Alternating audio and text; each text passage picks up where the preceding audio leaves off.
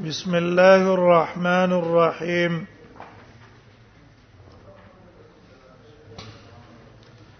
باب ما جاء في الحس على صوم يوم عاشوراء باب دې بیان د هغه حدیثو کې چراغلي دي په بار د ترغیب او تیزی ورکولو علی صوم یوم عاشورا پروجی نیولو د ورځې د عاشورې د عاشورې پر سره روزه اونیسی دا غي فضیلت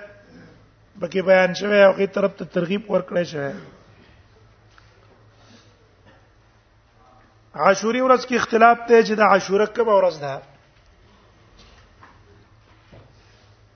نو عبد الله ابن عباس نه روایت نقل له چې سوم التاسعه یو تن ته تاسو کو چې عاشوره کله ده هغه ته ویل چې نه همونی سه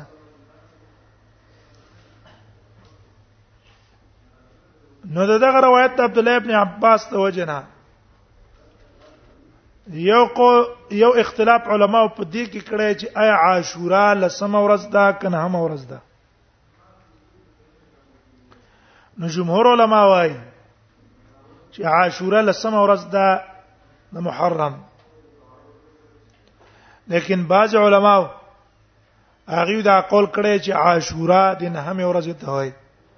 ځکه عبد الله ابن عباس ویلی دا چې ثم اصبح من يوم التاسع صائما اذا رايت الهلال المحرم فاعدد ثم اصبح من يوم التاسع صائما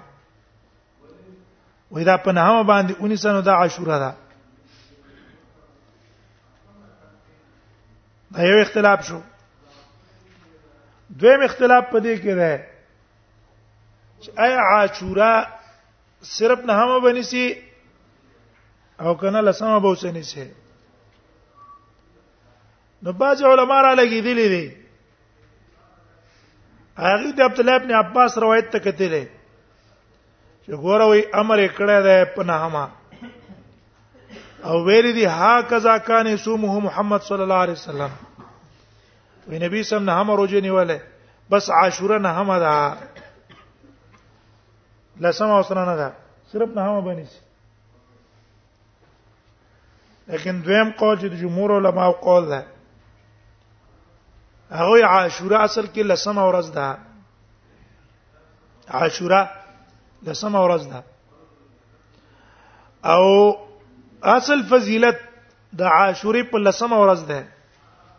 دا یو کال ګناونه پیرجیږي لیکن نبی صلی الله علیه وسلم تر اوسه پورې لسمه نیولې او په اخر کې ویل ک کال لزه ژوند دیو ما نه هم بم نسم لا اسمن التاسعه زبان هم نسم د پاره د مخالفت د يهودو د يهودو مخالفت نو بیا لا اسمن التاسعه په بعض روایتونو کې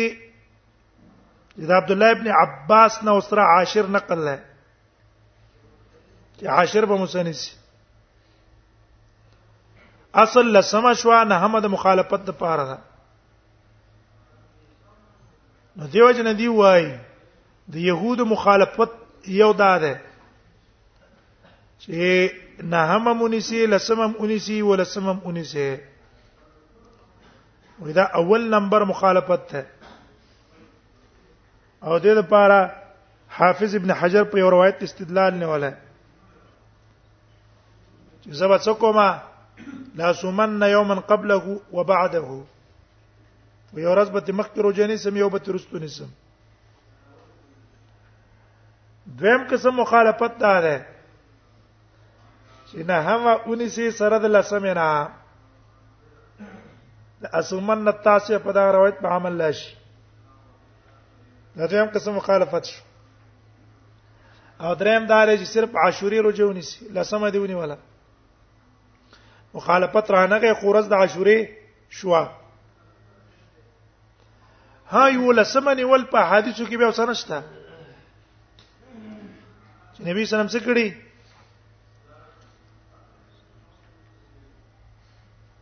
بلکې نه هم نبی صلی الله علیه وسلم لا التاسع هم که چا سره یو لسمه اونې ولا یو قسم مخالفت بس شي راوش اوس دقم مسلې ته ذکر کړئ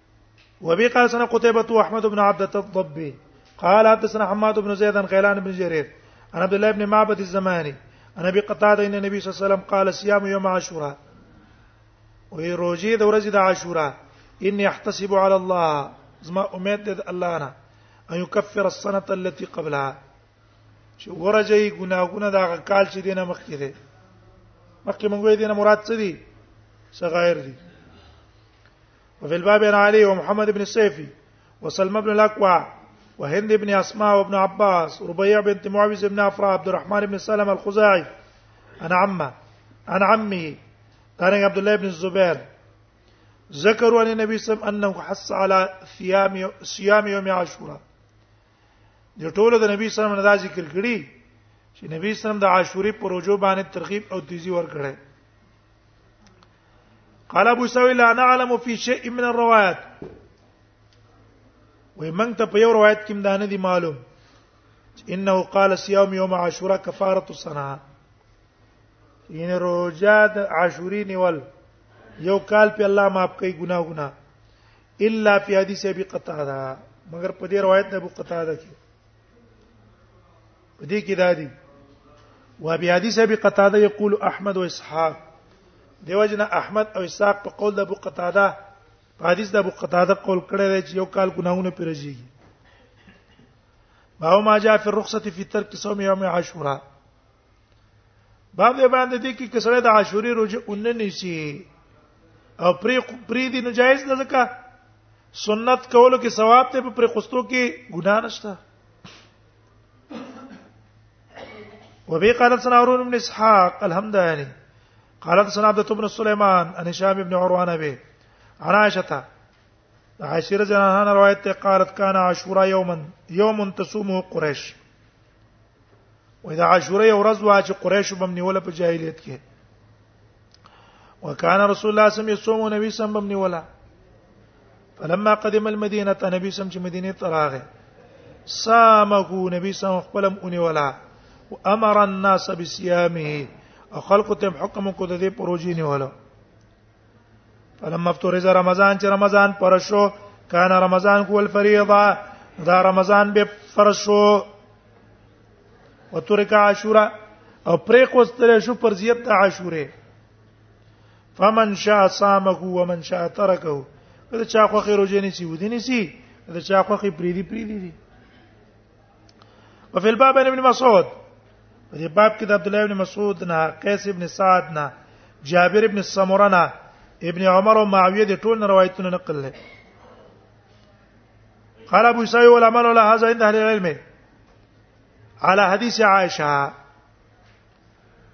وې په دې باندې عمل لې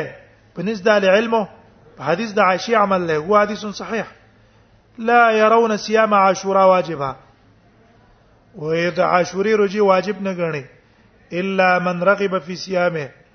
مگر هغه څوک چې رغبت په روزي کې ور کړی لما ذکر می فی من الفضل باو ما جاء فی عاشوراء یوم هو عاشوراء نه هم ورځ لکه لسمه څنګه مسله ذکر کړي وبي قاسنا ناد ابو قريب قال سنا وكيان حاجب ابن عمر عن الحكم ابن الأعرج قال انتهيت إلى ابن عباس ابن عباس تور لم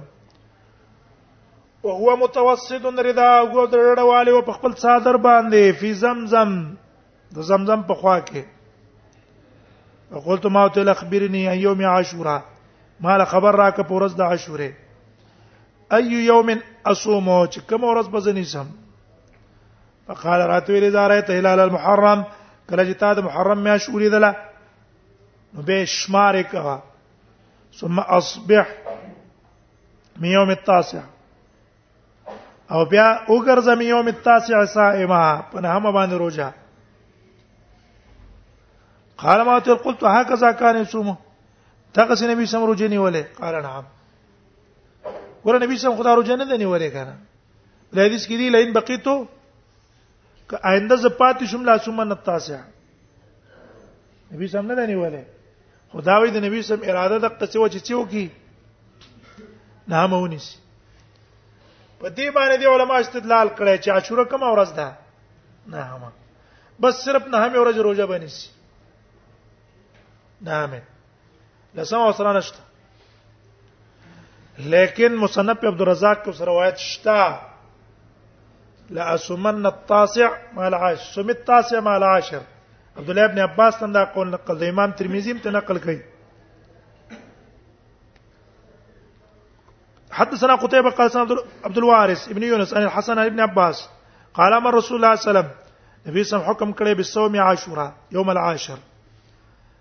روزي د عاشوري په لسم باندې او دا نه هم چې نبی صلی الله علیه وسلم ویلي دا د څه د وجنه او څه ویلې خالفت د وجنه ویلې قال ابو سعيد حديث ابن عباس حديث حسن صحيح وقد اختلف اهل العلم في يوم عاشوراء علماء اختلاف دي پرز د عاشوره کې فقال بعضهم يوم التاسع شاول نه هم ده شاول يوم العاشر لسم ده وروي ابن عباس هذا ابن عباس ندام نقل له انه قال صوم التاسع والعاشر چې تاسو ونی سي تاسع او عاشر وخالف اليهود ګوره دلته نقل شو کنه نه هما لسما وخالف اليهود يهوديان مخالفت وکي وبهذا الذي يقول الشافعي واحمد واسحاق او دې قول باندې امام احمد امام الشافعي او اسحاق قول کړی دی